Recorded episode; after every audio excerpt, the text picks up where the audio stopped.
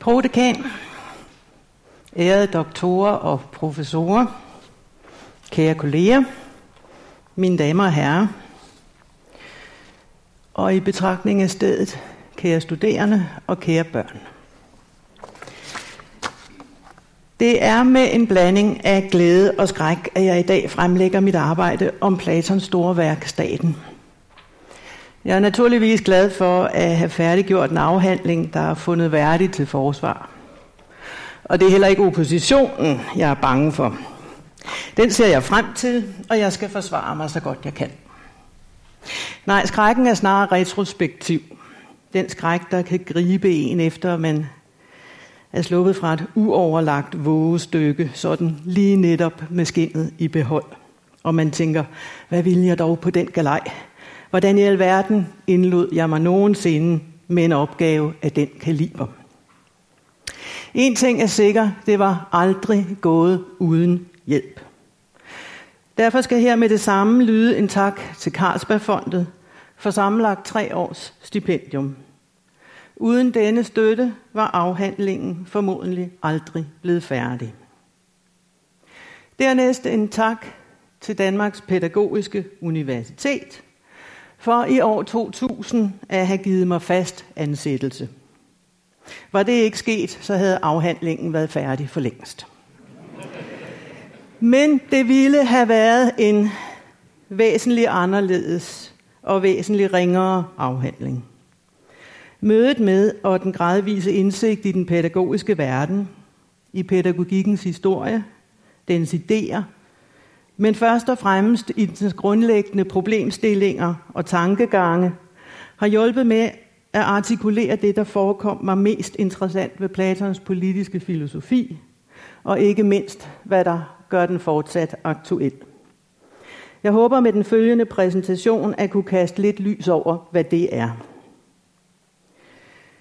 Staten er det første store filosofiske værk, der er overleveret nogenlunde intakt. Det former sig som en total betragtning af, hvad de gamle grækere betegnede ta antropina, de menneskelige ting. Det vil sige samfund, opdragelse, uddannelse, livsstil, etik, politik, kunst og filosofi, med stadig et henblik på at undersøge den fuldkommende statsdannelse, hvor den ser den ud, og hvad skal der til, for at den vil kunne realiseres. Værket er stort af omfang, stort af emne og af historisk betydning. Det havde en betragtelig plads i pædagogisk tænkning op igennem det 19. århundrede og ind i mellemkrigstiden, og dele af det bliver fortsat læst som standardpensum i filosofihistorie. På verdensplan er Platon-forskningen enorm, men i takt med denne voksende specialisering synes Platon alligevel gradvist at glide lidt i baggrunden af den generelle filosofiske orientering, og især hans analyse her i staten af sammenhængen mellem politik og pædagogik, og af staten som et stort opdragelses- og dannelsesprojekt, anføres oftere som skræmmebillede, end som en forbilledelig filosofisk undersøgelse af et fortsat vigtigt emne. Der er med andre ord en kløft mellem en stødt voksende, overvejende, filologisk funderet Platon-forskning, der som hovedregel, ikke eksklusivt, men som hovedregel, begrænser sig til en antik filosofisk horisont, og så en filosofisk tradition, hvor Platon helt klart har tabt, tabt terræn. Han har også tabt terræn for eksempel til Aristoteles. Og i hvert fald ikke længere ses som et uomgængeligt led i en aktuel forståelse af de menneskelige ting. En af ambitionerne med min afhandling har været at gennemføre en læsning af staten, der kan medvirke til at bygge bro over denne kløft. Da jeg ikke er klassisk filolog, er læsningen utvetydigt filosofisk funderet. Og der er mange diskussioner af enkeltpassager i teksten, jeg ikke har taget. Men der er også mange, jeg har taget. Og her har sigtet været at belyse, hvordan det pædagogiske og politiske anlæggende bestandig er medtænkt i staten. Også hvor man kan argumentere for, at det handler om isolerede filosofiske spørgsmål. Platon behandler den, den slags såkaldt rene filosofiske spørgsmål mange steder i sit forfatterskab. Det er imidlertid en af de overordnede pointer i min afhandling, at alt, hvad der undersøges i staten, skal læses for nu at tale moderne i en samfundsmæssig kontekst, og i lyset af det basale spørgsmål om, hvordan man politisk former samfundet bedst muligt. Det betyder ikke, at metafysiske og erkendelsesteoretiske forhold er uden betydning i staten. Det betyder, at deres udformning er dikteret af de politisk-filosofiske problemstillinger, der er til behandling. Afhandlingen er udformet som en fortløbende kommentar, indrammet af et indledende kapitel om politisk filosofi, herunder en kritik af Karl Schmidt, og et kapitel om Rousseaus platoniske inspiration. Selve kommentarformen har jeg valgt af to grunde. Det er for det første den form, jeg føler mig bedst tilpas i. Jeg har tidligere skrevet kommentarer til tre andre Platon-dialoger, og jeg kan simpelthen godt lide den fremstillingsmæssige udfordring, det er at skulle holde sammen på de mange betydningslag og tematikker, der altid er på spil, når Platon skriver. Den anden grund er, som antydet, at der efter min vurdering er behov for en mere aktuelt filosofisk indforstået læsning af værket som helhed. Platons forståelse af filosofisk tænkning er væsentligt dynamisk og processuel, og man må så at sige gribe og følge selve tankegangen i fremstillingen, hvis det faste, der etableres undervejs, skal give ordentlig mening. Kapitlerne om henholdsvis Carl Schmidt og Rousseau har til opgave at sætte min fortolkning ind i en politisk, filosofisk og pædagogisk filosofisk kontekst. Jeg tillader mig, ligesom Platon i statens første bog, i al ubeskedenhed, at tage afsæt i en aktuel opfattelse af det politiske, som er hentet fra Carl Schmidt, nemlig at det er et vilkår, der er givet for alt andet menneskeligt, og givet som en umiddelbar distinktion mellem ven og fjende. I lovene tager Platon eksplicit stilling til, om statens væsen skal henføres til et udspring i latent fjendskab og krig. Her i staten er hans ærne blandt andet at vise, hvordan det politiske kan ses som fornuftens ultimative praktiske opgave, og dermed som noget, vi selv må frembringe. Staten kan således læses som et langt argument imod Smiths syn på det politiske. I den anden ende af afhandlingen står et kapitel om Rousseau som en paradigmatisk station i den platoniske virkningshistorie. I det omfang, vi har lært noget af Rousseau om pædagogik og opdragelse, har vi nemlig indirekte lært noget af Platon. I afhandlingens sidste kapitel diskuterer jeg imidlertid Rousseaus eksklusion af det æstetiske og det kollektive i opdragelsen som en problematisk indskrænkning i forhold til det platoniske perspektiv, der måske, når det kommer til stykket, er mere aktuelt. Angående afhandlingens teoretiske ståsted, der er ingen neutrale områder i filosofien. Der er ingen arkimediske punkter. Dette misforstås ofte som begrundet i, at filosofi også beskæftiger sig med normative spørgsmål. Men det er slet ikke hovedsagen. En filosofisk orientering er betinget af viden, interesse og prioritering. Jeg vedkender mig utvetydigt et ståsted i den tidlige Marx og Freud inspirerede kritiske teori og kritiske samfundsteori, repræsenteret ved blandt andet Max Horkheimer og især Theodor W. Adorno. I denne Frankfurter tradition er filosofien før Descartes stort set lukket land. Platon nævnes højst som proto-idealist, om ikke som direkte idealist, og i hvert fald af identitetsfilosofis ophav. Og jeg har altid undret mig over dette blinde punkt i forhold til historiens første radikale samfundskritiker og freudianer af Vagne Lettre. Også her prøver jeg i afhandling at bygge en lille bro mellem samfundsfilosofiens begyndelse og en af dens seneste og vigtigste udformninger. Mm-hmm. Staten har som sagt en meget omfattende tematik og der er ikke mange af de menneskelige ting, der ikke kommer under behandling, og meget forskellig artet behandling. Fra spørgsmålet om retfærdigheden og lykken og livet og døden og livets mening til generationskløften, til den offentlige mening, til de sludrevårne bademestre og de flæbende superhelte. Jeg bestræber mig i afhandlingen på at få det, fle, det meste flettet ind i en samlet udlægning, og det er ikke altid lige nemt, og det er meget, meget vanskeligt at referere. Jeg har derfor valgt tre tematikker ud, som kort kan antyde, hvad afhandlingen interesserer sig for og arbejder med. Det første angår staten som en samfundsteori. Jeg nævnte indledningsvis, at Platon ser politisk styre som et i videste forstand pædagogisk projekt.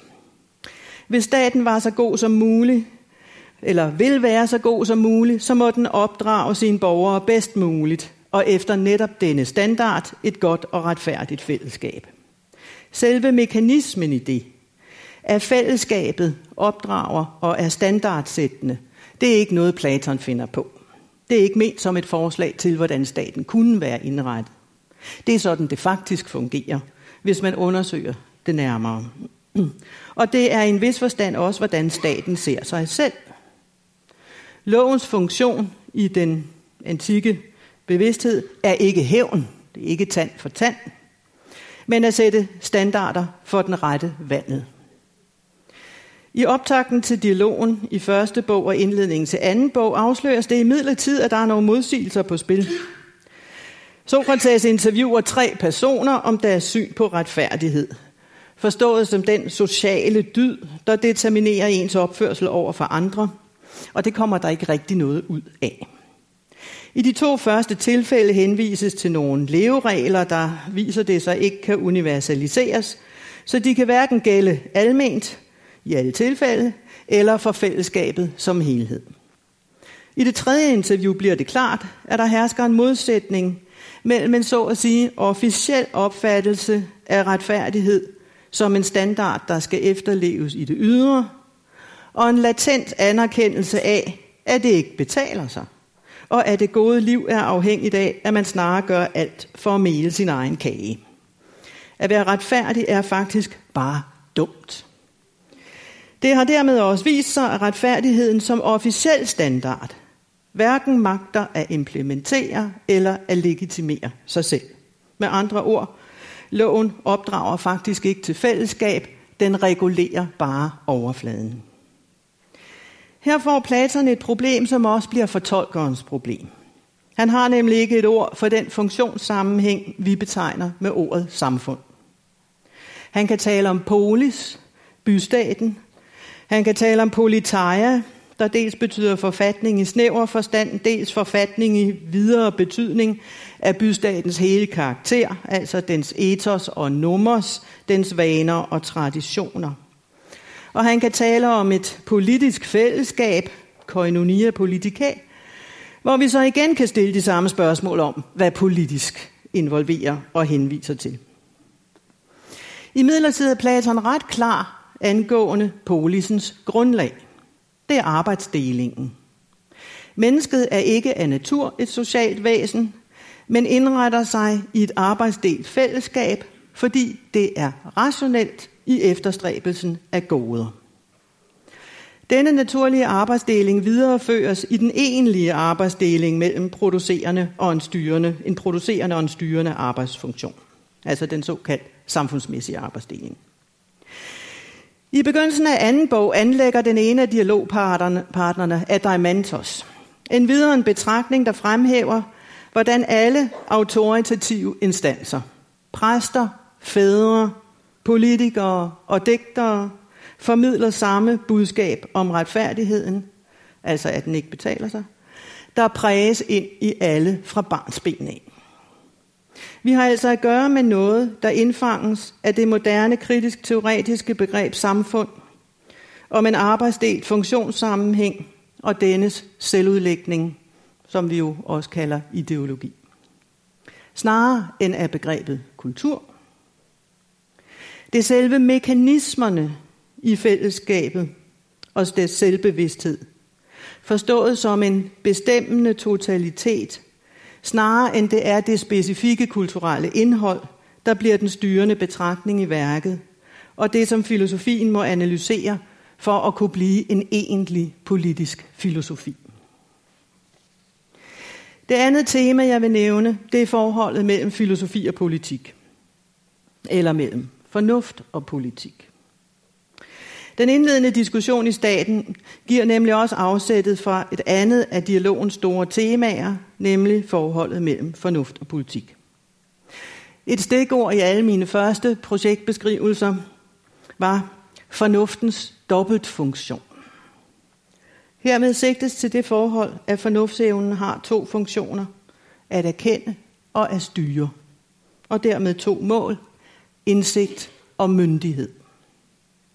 Vi har her at gøre med, hvad jeg vil kalde et problem i emfatisk forstand. Det vil sige alle dette ords kendte betydninger, og så lidt til. Forholdet mellem indsigt og styre er et spørgsmål. Det er et sagforhold. Det er en hindring, og det er en udfordring, og det er en stående opgave, og det er meget mere.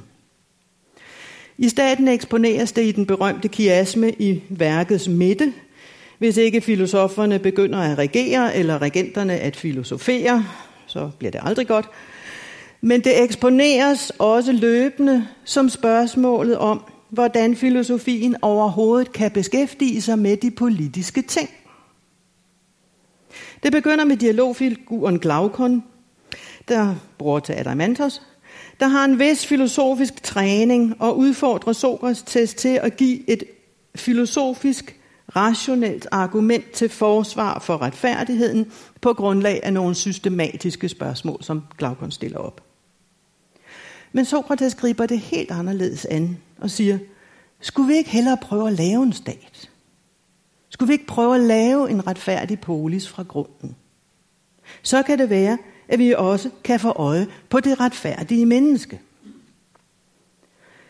Den filosofiske opgave er altså ikke blot at identificere samfundets grundlæggende mekanismer. Den må også gå radikalt til værks og tænke dem udviklet. Så ideen med at leve i samfund, nemlig at skabe betingelserne for det bedst mulige liv, realiseres. Denne øvelse kan udlægges, og det er den øvelse, Platon gennemfører i staten. Den kan udlægges som et udkast til en idealstat eller et inspirerende produkt af en kunstnerisk fantasi. En god og tankevækkende fortælling, et fint billede, eller som en utopi. Men for mig at se, er det en underkendelse af Platons ambition i staten, som er den filosofiske gennemtænkning af, hvad en stat er og bør være. Altså ultimativt at opnå et filosofisk begreb om et politisk, det vil sige bevidst frembragt fællesskab. Det er jo heller ikke sådan, at filosofregenterne kvalificerer sig ved at være dogmatiske, eller inspirerende billedmagere, eller fantasifulde historiefortællere, men ved at have forstand på, hvad et godt fællesskab er, og hvordan det frembringes, og ved at have erfaring med at realisere det i praktisk administrative funktioner. Det springende punkt bliver derfor, hvorledes en fornuftsbaseret kollektivitet bringes ind i og anerkendes som autoritet i samfundet. Altså hvordan filosofien bliver praktisk og styrende, og ikke bare står udenfor og tænker sit. Det tredje tema er selvfølgelig opdragelsen. En gennemgående analysestrategi i staten er analogien mellem individ og stat.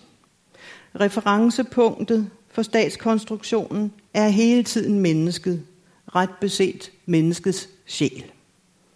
Staten skal have menneskelige proportioner, ikke mindst fordi det er fra betragtningen af menneskesjælen, at vi ved, at fornuften kan styre de menneskelige ting. Og er vejen til myndighed i en vis forstand er en naturlig proces. Dels bliver vi voksne, og i et eller andet omfang selvkontrollerede.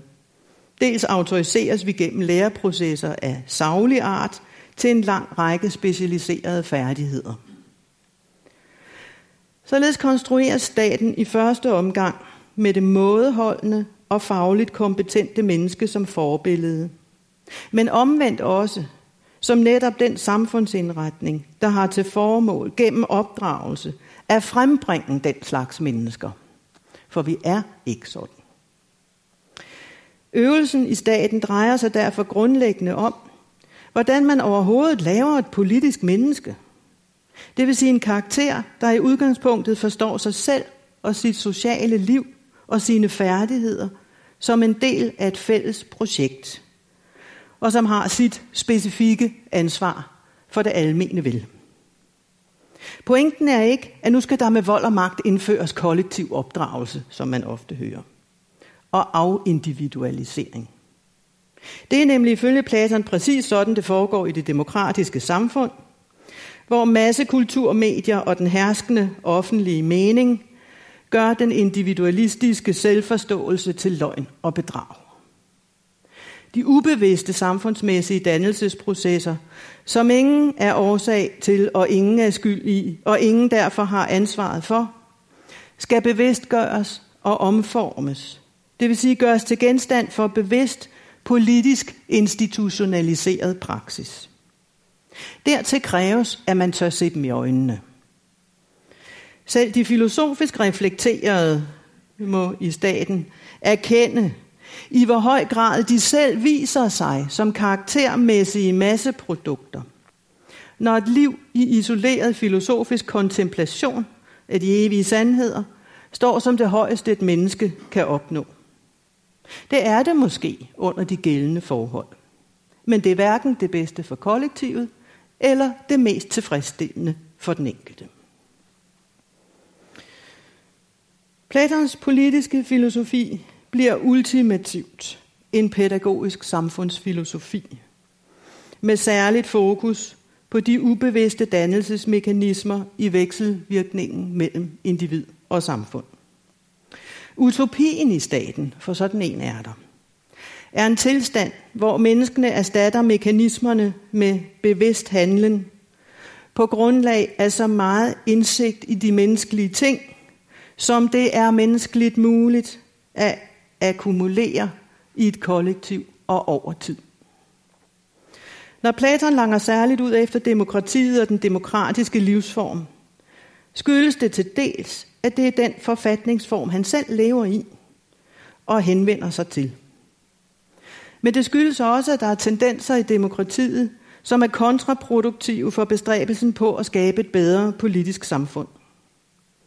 Udover pseudoindividualisme, og den hermed forbundne pseudokollektivitet i massekulturen, ser han blandt andet et problem i en populistisk antiintellektualisme, der dels betragter seriøs intellektuel beskæftigelse som unødigt tidsspille, dels gør enhver lærdom til noget udvortes, der kan påføres uden hensyn til den lærernes mentale forudsætninger, lyst og ikke mindst tempo. Det er kras læser. Det er kras læsning for den nutidige læser. Og Platons fremtidsvision for demokratiet er ikke opløftende. Hvad der er opløftende, er, hvad vi kan kalde hans erkendelsesoptimisme. Hans tiltro til, at menneskene ikke behøver forblive så dumme og afmægtige, som samfundet gør dem til. Det kunne være anderledes. Om det så bliver det, er en anden sag.